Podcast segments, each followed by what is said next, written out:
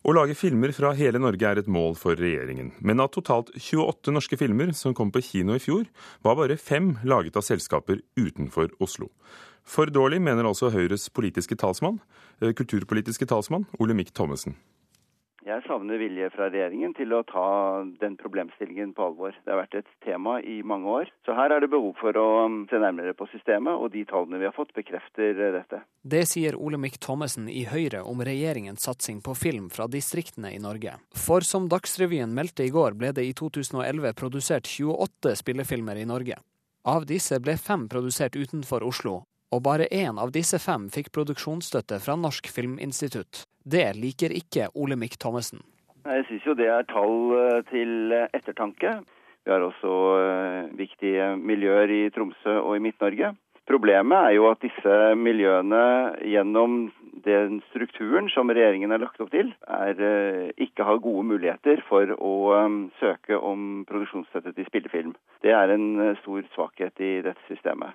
Jeg tror du ligger 100 begravd overalt. Regissør Pål Jackman debuterte med stor suksess med Oslo-baserte Detektor i år 2000. Siden den gang har han flytta til Vestlandet og slitt med å få produksjonsstøtte fra Norsk Filminstitutt. Jernanger fra 2009 tok åtte år å få råd til. Jeg søkte vel egentlig støtte ganske lenge og fikk litt utviklingsstøtte i begynnelsen av Filmfondet til et år. Men jeg brukte vel åtte år og fikk avslag i seks år. Og så plutselig fant jeg ut at jeg, eh, siste versjonen jeg skrev, den ville jeg ikke sende inn engang. For jeg følte at de ville jo ikke ha det. Men da Jackman søkte privat støtte, tok det under ei uke å få produksjonsstøtte til filmen. Det er heldigvis tre eh, privatpersoner i Stavanger som hjalp meg med finansiering. Først så fikk de manus, og så spurte de om de kunne få seks dager på å lese det. da. Så ringte de etter seks dager og sa de var dette vil de gå for. Nå tror Jackman at geografien kan spille inn på om en film får produksjonsstøtte eller ikke. Ja, jeg tror det, vil, det kan spille inn. Rett og slett er det naturlig at det er et, et knutepunkt i et land, og at det er Oslo. Det er, er naturlig. Og at det er mer produksjonsmidler, altså rene fasiliteter i større byer. Det er naturlig. Men det viser jo seg at det kan være vanskelig å få lagd film hvis du bor i litt mer periferte strøk. Altså til og med andre litt større eller mindre byer i, i Norge. Og det er jo synd, da. For mangfoldet må jo ikke ryke. Og nettopp det frykter Olemic Thommessen. Når vi ønsker oss et uh, mangfold i dette, så er det jo nettopp fordi vi bor i et stort og sammensatt land. Og uh, den dynamikken som den forskjelligheten gir oss, den går vi nok kanskje glipp av. Kulturminister Anniken Huitfeldt kan på sin side fortelle at man i regjeringen har økt pengestøtten til film fra distriktene. Jeg er enig i at vi trenger flere historier fra hele Norge.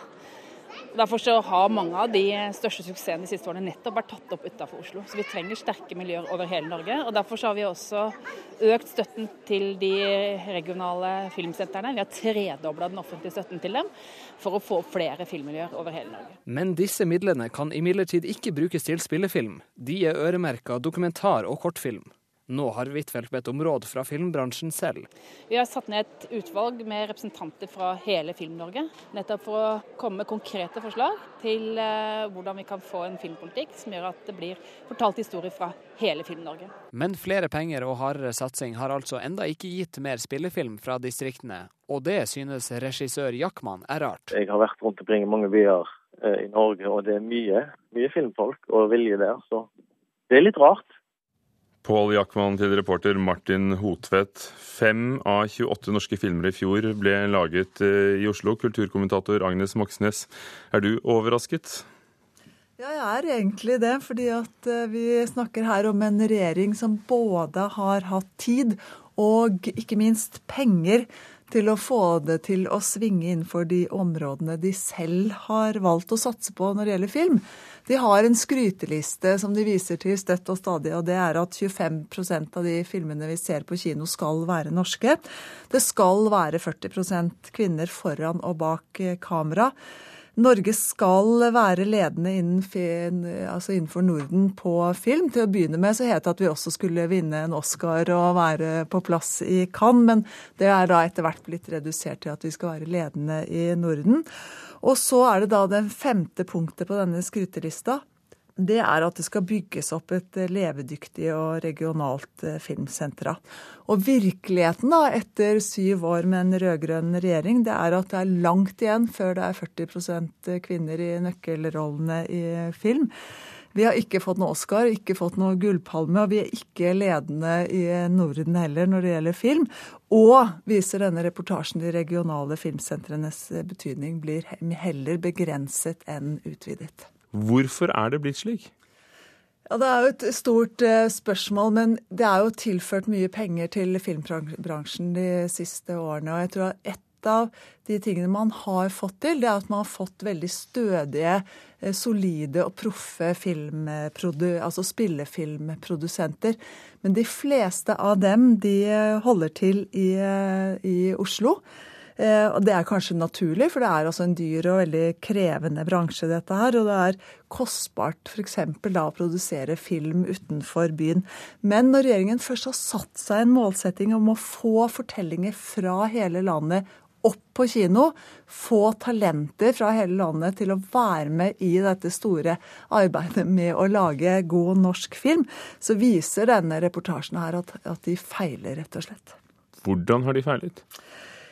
Altså, eh, Så vidt jeg kan se, så fins det ingen incitamenter i den statlige støtteordningen som, som, vi ønsker eller prøver å få frem at eh, spillefilmer også lages utenfor eh, Oslo av produsenter som holder til utenfor Oslo.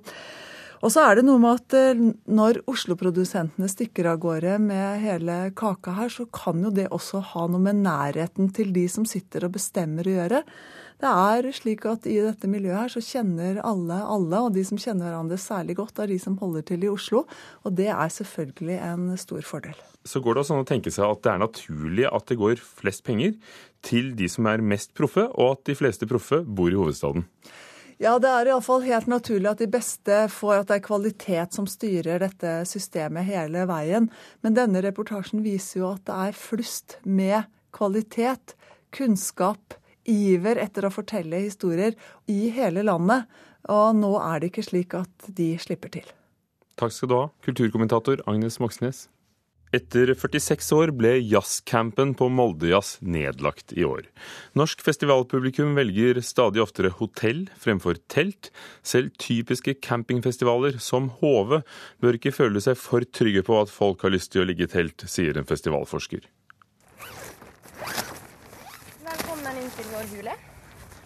Dagen i teltet til Ylva og Kjetil er i ferd med å begynne. De er frivillige på festivalen og skulle aller helst ha bodd på jazzcampen. Men da den ikke lenger finnes, får hagen til en av festivalens ansatte duge. Og så sa Alice ja, men dere kan bo i hagen min. Interessen for å bo på den tradisjonsrike jazzcampen har vært dalende de siste årene. Så i år blir det ingenting, sier festivalsjef Jan Ole Otne, som selv har overnattet i telt i Molde på 70-tallet. I de siste årene så har oppslutningen om campen vært dalende. Og vi har funnet alternative overnattingssteder for eh, mange av de som har bodd på campen. Sånn at eh, de som de siste årene har bodd her, har vært en del unge folk og en del funksjonærer. Da har jeg en eh, gammel ambulanse så er det en herlig båre i. Så, og komfortabel soltak og det hele. Så sover vi i den. For de som ikke er like ivrige på overnatting i naturen som stamgjesten Øyvind Holm, er hotell det letteste alternativet. Og selv han syns at campinglivet var mer fristende tidligere. I begynnelsen av 90-tallet, og midten av 90-tallet, vi var her, da var det konserter der ute. Med en svær kasselastebil eller trailer hvor de brukte som scene. Det var utrolig sjarmerende. Så var det mye bedre matutvalg. og Gode hotellpakker lokker festivalpublikum i alle aldre, sier professor ved Universitetet i Stavanger, Reidar Mykletun. Det er nok en naturlig endring i festivalverden. Og dermed så kommer jo hotellene etter hvert så kommer de til å tilpasse seg dette med å lage veldig gode festivalpakker. Og på den måten så vil jo de konkurrere med campingen. Vi ser jo at uh, russetreffet i Kongeparken f.eks. Uh, utenfor Stavanger, de uh, greier å fylle alle hotellene i regionen. Og Det betyr at også disse 18-19-åringene de søker på hotell istedenfor å ligge og sove i russebiler eller i telt i større og større grad. Det har jo vært veldig bra med besøk på jazzcampen fram til i år. Så I år så har det vært litt dårligere besøk. Det var ansvarlig for campen på Kongsbergjazz, Anette Skogmo. Selv om en ringerunde til de mer typiske campingfestivalene vitner om gode besøkstall i år, mener Mykletun at også disse kan miste campinggjestene hvis de ikke passer på. Jeg tror ikke de skal føle seg så sikre, for å være helt ærlig. fordi at uh, hele hospitality-tenkningen i en festivalsammenheng, altså vertskapsfunksjonene, de er egentlig dårlig ivaretatt. Det er vanligvis eh, dårlige overnattingsforhold, det er dårlige matforhold. Maten du kjøper er, eh, ikke, smaker ikke godt og er ikke sunn. Eh, det, du må stå i kø for å gå på toalett, og du må kjøpe øl etter at du har stått i kø. Så hele, altså, hele servicekonseptet og hele skal vi si, vertskapskonseptet er dårlig. Sa professor Reide Mykletun til reporter Sofia Pasjkevic, som hadde besøkt teltere og hotellgjester på Moldejazz. Førstkommende lørdag har Sveriges Radio premiere på radioteaterstykket Ajøtu, som tar utgangspunkt i fjorårets massedrap på Utøya. Forfatteren beskriver stykket som en sorgsang om å gjøre noe ugjort. Låt säga at det begynner her. Med den norske statsministeren og den norske flaggan på halvstång. Og kamerablixtarna og regnet. Kommende lørdag har radioteaterstykket Ajøtu premiere på Sveriges Radio i forbindelse med ettårsmarkeringen av fjorårets terroraksjon i Norge. Tittelen Ajøtu er Utøya baklengs, og stykket kretser rundt hvordan det ville ha vært å skru tiden tilbake for å reparere det som i virkeligheten er ubotelige skader. De vader i land for å se om det stemmer. En mann går rundt og vekker døde til liv. Han sikter mot de levende, og da sugs kuler ut ur trærne, fra havet, fra gresset när liksom det språk vi har till vardags inte längre räcker, så har vi fått konstens språk. Stina Oskarsson er sjef for Svensk Radioteater og regissør for Ajøtu. Hun føler at det ville vært unaturlig å behandle et annet tema enn 22. juli denne helga. Alle våre tanker kommer å befinne oss der ennå. Og det er precis det denne pjesen er. Det er liksom, tankene er der. De kretser kring øen, de kretser kring det som har skjedd det hörs små jämranden bara, från några håll. I övrigt är det tyst. Så det är ett otroligt menneskelig, poetisk stykke, kan man si. Oskarsson ble lettet da hun fikk manuset overlevert og så at stykket ikke var utpreget politisk. For det har blitt mye bråk rundt tidligere fiksjonelle tilnærminger til terroren 22.07. I Danmark har Kaféteatret fått mye kjeft for sine planer om å iscenesette Breiviks manifest. Og i vår vakte det oppsikt da en skuespiller gestaltet Anders Behring Breivik i et nederlandsk teaterstykke. Er det her på grensen? Rør vi ved et olekt sår? Min inngang til det hele var aldri at uh, verken støte eller såre. Manuset til Ajøtu er det Christian Hallberg som står bak. Han er en av fem dramatikere som legger ut tekster på nettstedet Ur svenska hjertans djup, og tekstene kan lastes ned gratis av alle som ønsker å sette opp forestillingene. Nettstedet ble opprettet som en reaksjon på at det innvandringskritiske partiet Sverigedemokraterna ble valgt inn i Riksdagen, og de fem dramatikerne ønsker å skrive stykker som handler om det fremmede, og da var det vanskelig å komme utenom 22. juli. B får ikke plass med mer ammunisjon i sin pistol. Oppdraget er snart fullført. NRKs radioteater har ingen konkrete planer om å sette opp stykker knyttet til 22. juli, men utelukker ikke at de vil gjøre det i fremtiden, selv om det vil by på mange vanskelige avveininger. En gang var vår sommer en evighet lang. Vi strøvade i soldager uten slutt i august i fjor endret Det Norske Teatret på programmet for å fjerne et stykke som kunne virke støtende på publikum så kort tid etter terrorangrepet. Det handlet jo om visualitet og hvilke briller publikum har på seg på det tidspunktet. Men teatersjef Erik Ulfsby mener ikke at det nødvendigvis er for tidlig å sette opp teaterstykker om 22.07 nå. Jeg tror det er fullt mulig å lage viktig og spennende teater om 22.07. Det kan aldri erstatte forlusten. Inget kan gi dere kjære tilbake. I dag er det tid for sorg. Hele verden kjenner I dag skal vi tillate oss å stoppe. Fra Ajøtu, som sendes i Radioteatret på Sveriges Radio P1 på lørdag. Reporter var Dario Kverme Birhane. Teateranmelder og kulturjournalist i Dagbladet, Inger Merete Hobbelstad. Hva synes du, har det gått lang nok tid til at 22. juli kan behandles i filmer eller forestillinger eller radioteater som dette? Jeg er usikker på om det kan gjøres godt. Eh, det kan hende. Altså, ingenting er forbudt, og hvis noen har en spesielt eh, vellykket idé, så kanskje det lar seg gjøre. Men jeg tenker at så kort tid etter tragedien, mens såret er åpent i den grad det er nå, så vil ikke dramatikere eller forfattere eller regissører ha den nødvendige frihet eh, til å behandle dette stoffet på en personlig og, og for den saks skyld interessant måte. Rett og, slett, rett og slett fordi det ligger så sterke føringer på hva, eh, hva, vi tenker om denne hendelsen, hvordan man kan gjenfortelle den, hvordan man kan, kan snakke om den.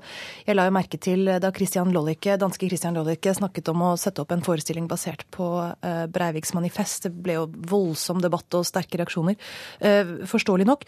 Og hvorpå selv en veldig lite skvetten mann som han måtte gå ut i media og forsikre om at nei, nei, han kommer til å fremstå som et monster. Ta det med ro.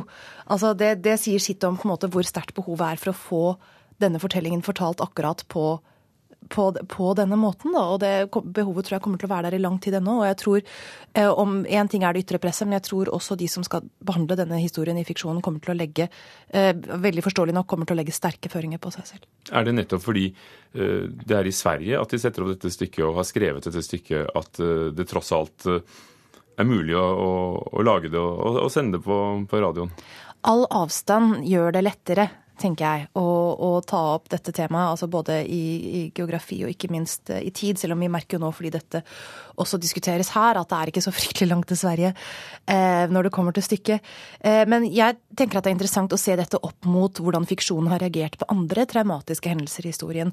Eh, da 11. 11. september eh, kom i USA, så gikk det vel en fire-fem år før forfatterne kunne gjøre dette til et litterært tema, et litterært motiv med noen grad av selvstendighet. Jeg tror kanskje det var eh, Jonathan Safran Force eh, utrolig høyt og ekstremt nært fra 2004 eller 2005 var den vel, eh, som var den første sånn romanen som hadde et litt sånn selvstendig, litt mer sånn både nært og distansert blikk på 11.9. Ja, for når vil vi komme langt nok unna? Altså Hendelsen står der i all sin gru uansett. Eh, og, og veldig mange, særlig et lite land som Norge, vil være berørt. Om... Det er klart, og Når det er snakk om de direkte berørte, som det ofte er snakk om eh, når man snakker om hvem vil, hvem vil la seg såre eller støte av en slik forestilling, så er det jo klart at for dem vil sorgen være like sterk og levende om fem år, om ti år, om 15 osv. Eh, så det er vanskelig å si nøyaktig, det er vanskelig å tidfeste det. Eh, som sagt, det tok fire-fem år, år, i USA. Eh, jeg kan se for meg at liksom med den hurtige omdreiningen på informasjon i dag, så vil det ta litt kortere tid enn det. Jeg tenker også, Hvis du ser hva som skjedde i Norge etter andre verdenskrig De første filmene som er laget om andre verdenskrig i Norge, er veldig sånn nøkterne gjenfortellinger av det som har skjedd. Så kommer helteeposene som deler verden inn i sort-hvit i snille nordmenn og onde tyskere overløpere. Og så, med Arne Skauens kalde spor, altså 17 år etter krigen, så så kommer det en distansert, eh, kritisk tilnærming til menneskene som deltar. Og det, det kan hende det kommer til å gå så lenge nå. Jeg vet ikke. Mener du da at det som blir laget nå, er kunstnerisk mindre interessant? Jeg mener ikke så mye det som at jeg mener at det er bundet, og det så du også i dagene etter 22.07, hvordan man hegnet tilbake til krigslyrikken, altså den gamle sentrallyrikken i bundet form, Nordahl Grieg, Arnulf Øverland osv. Disse, disse tekstene ble hentet frem. Eh, og dette er flotte tekster av høy kvalitet. De er også relativt enkle tekster, altså som fokuserer på fellesskap, sorg, samhold osv. Så, videre. Eh, så det, det, er ikke nødvendigvis noe med kvaliteten på disse tekstene, men jeg tror at det er nettopp den, de verdiene, de holdningene, det er den slags tekster som det ennå er lov å skrive, lese, lage knyttet til en tragedie som dette. Eh, så jeg tror handlingsrommet her for den som vil behandle det kreativt, er veldig lite, og slik må det egentlig være. Takk skal du ha, Inger Merete Hobbelstad, teateranmelder i eh, Dagbladet. Fra teater til film. Og hvilken film? Skuespiller Chanham Tatum viser det meste i Steven Soderbergs siste film Magic Mike, som er basert på Tatums egne dager som stripper. Men denne strippefilmen byr på mer enn bare svette og nakne mannfolk. Heldigvis, sier vår anmelder Marte Hedenstad. Entrepreneur, stripper, stripper, entrepreneur. Either one. It's fine. Når Steven Soderberg lager film om stripping, sparer han ikke på kruttet. Glinsende muskler, dampende heite kropper og deilige mannfolk. Magic Mike vil nok få selv de kaldeste menn og kvinner til å sikle. Men eh, heldigvis så er ikke Magic Mike kun en overflatisk film med deilige kropper, naken hud og glitrende tangatruser. Dette er en film med velskreven dialog og interessante rollefigurer. So if you could wake up and do the one thing that make you the happiest every morning, The happiest? yeah, money aside, you know. Money aside, I would wake up Når den 18 år gamle Adam, spilt av Alex Pettifer, mister college-stipendet sitt, flytter han inn på sofaen til storesøsteren som bor i Tampa, Florida. Den tiltaksløse Adam føler seg som et null, helt til han møter Mike Lane, spilt av Channing Tatum, en erfaren stripper som tar Adam inn under sine vinger og skaffer ham en jobb på den lokale strippebula Exquisite.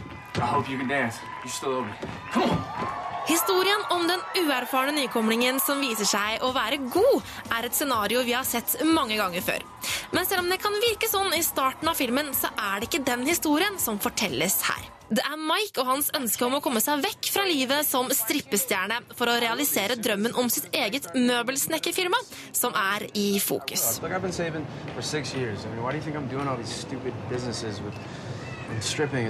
Magic Mike kan skryte av et velskrevet manus som gir deg både humor, alvor og en liten dose romantikk.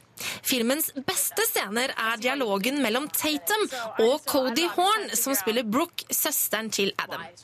Tatum er sjarmerende, morsom og troverdig i rollen som Mike, og samspillet mellom ham og Horn er strålende. Matthew McConaughey gjør også det som må være hans livs rolle i filmen, nemlig som Dallas, den sleipe eieren av Exquisite. Med McConaughey's ekstreme behov for å ta av seg skjorta i hver eneste film han spiller i, er denne rollen perfekt for ham. That But I think I see a lot of lawbreakers up in this house. And I don't see a cop inside. Jeg vet det er for tidlig å si, men jeg kommer ikke til å bli overrasket om det venter en Oscar-nominasjon for beste birolle til McConaughey for hans prestasjon i Magic Mike. You are the husband that they never had. You are that dreamboat guy that never came along. You are the one night stand, that free fling of a that they get to have tonight with you on stage and still go home to their hubby and not get in trouble because you, baby, you made it legal. Vi får aldri se for mye i Magic Mike, men det kan nok likevel hende at de nakne mannekroppene blir litt mye for noen. Selv så følte jeg meg som en av de hylende damene som satt på første rad i strippeklubben der jeg satt i kinosalen, og jeg dro nesten frem den ene dollarseddelen jeg har liggende i lommeboka. Sa anmelder Marte Hedenstad, og denne filmen har premiere på norske kinoer i morgen. Og så kan du alltid lese flere anmeldelser på nrk.no.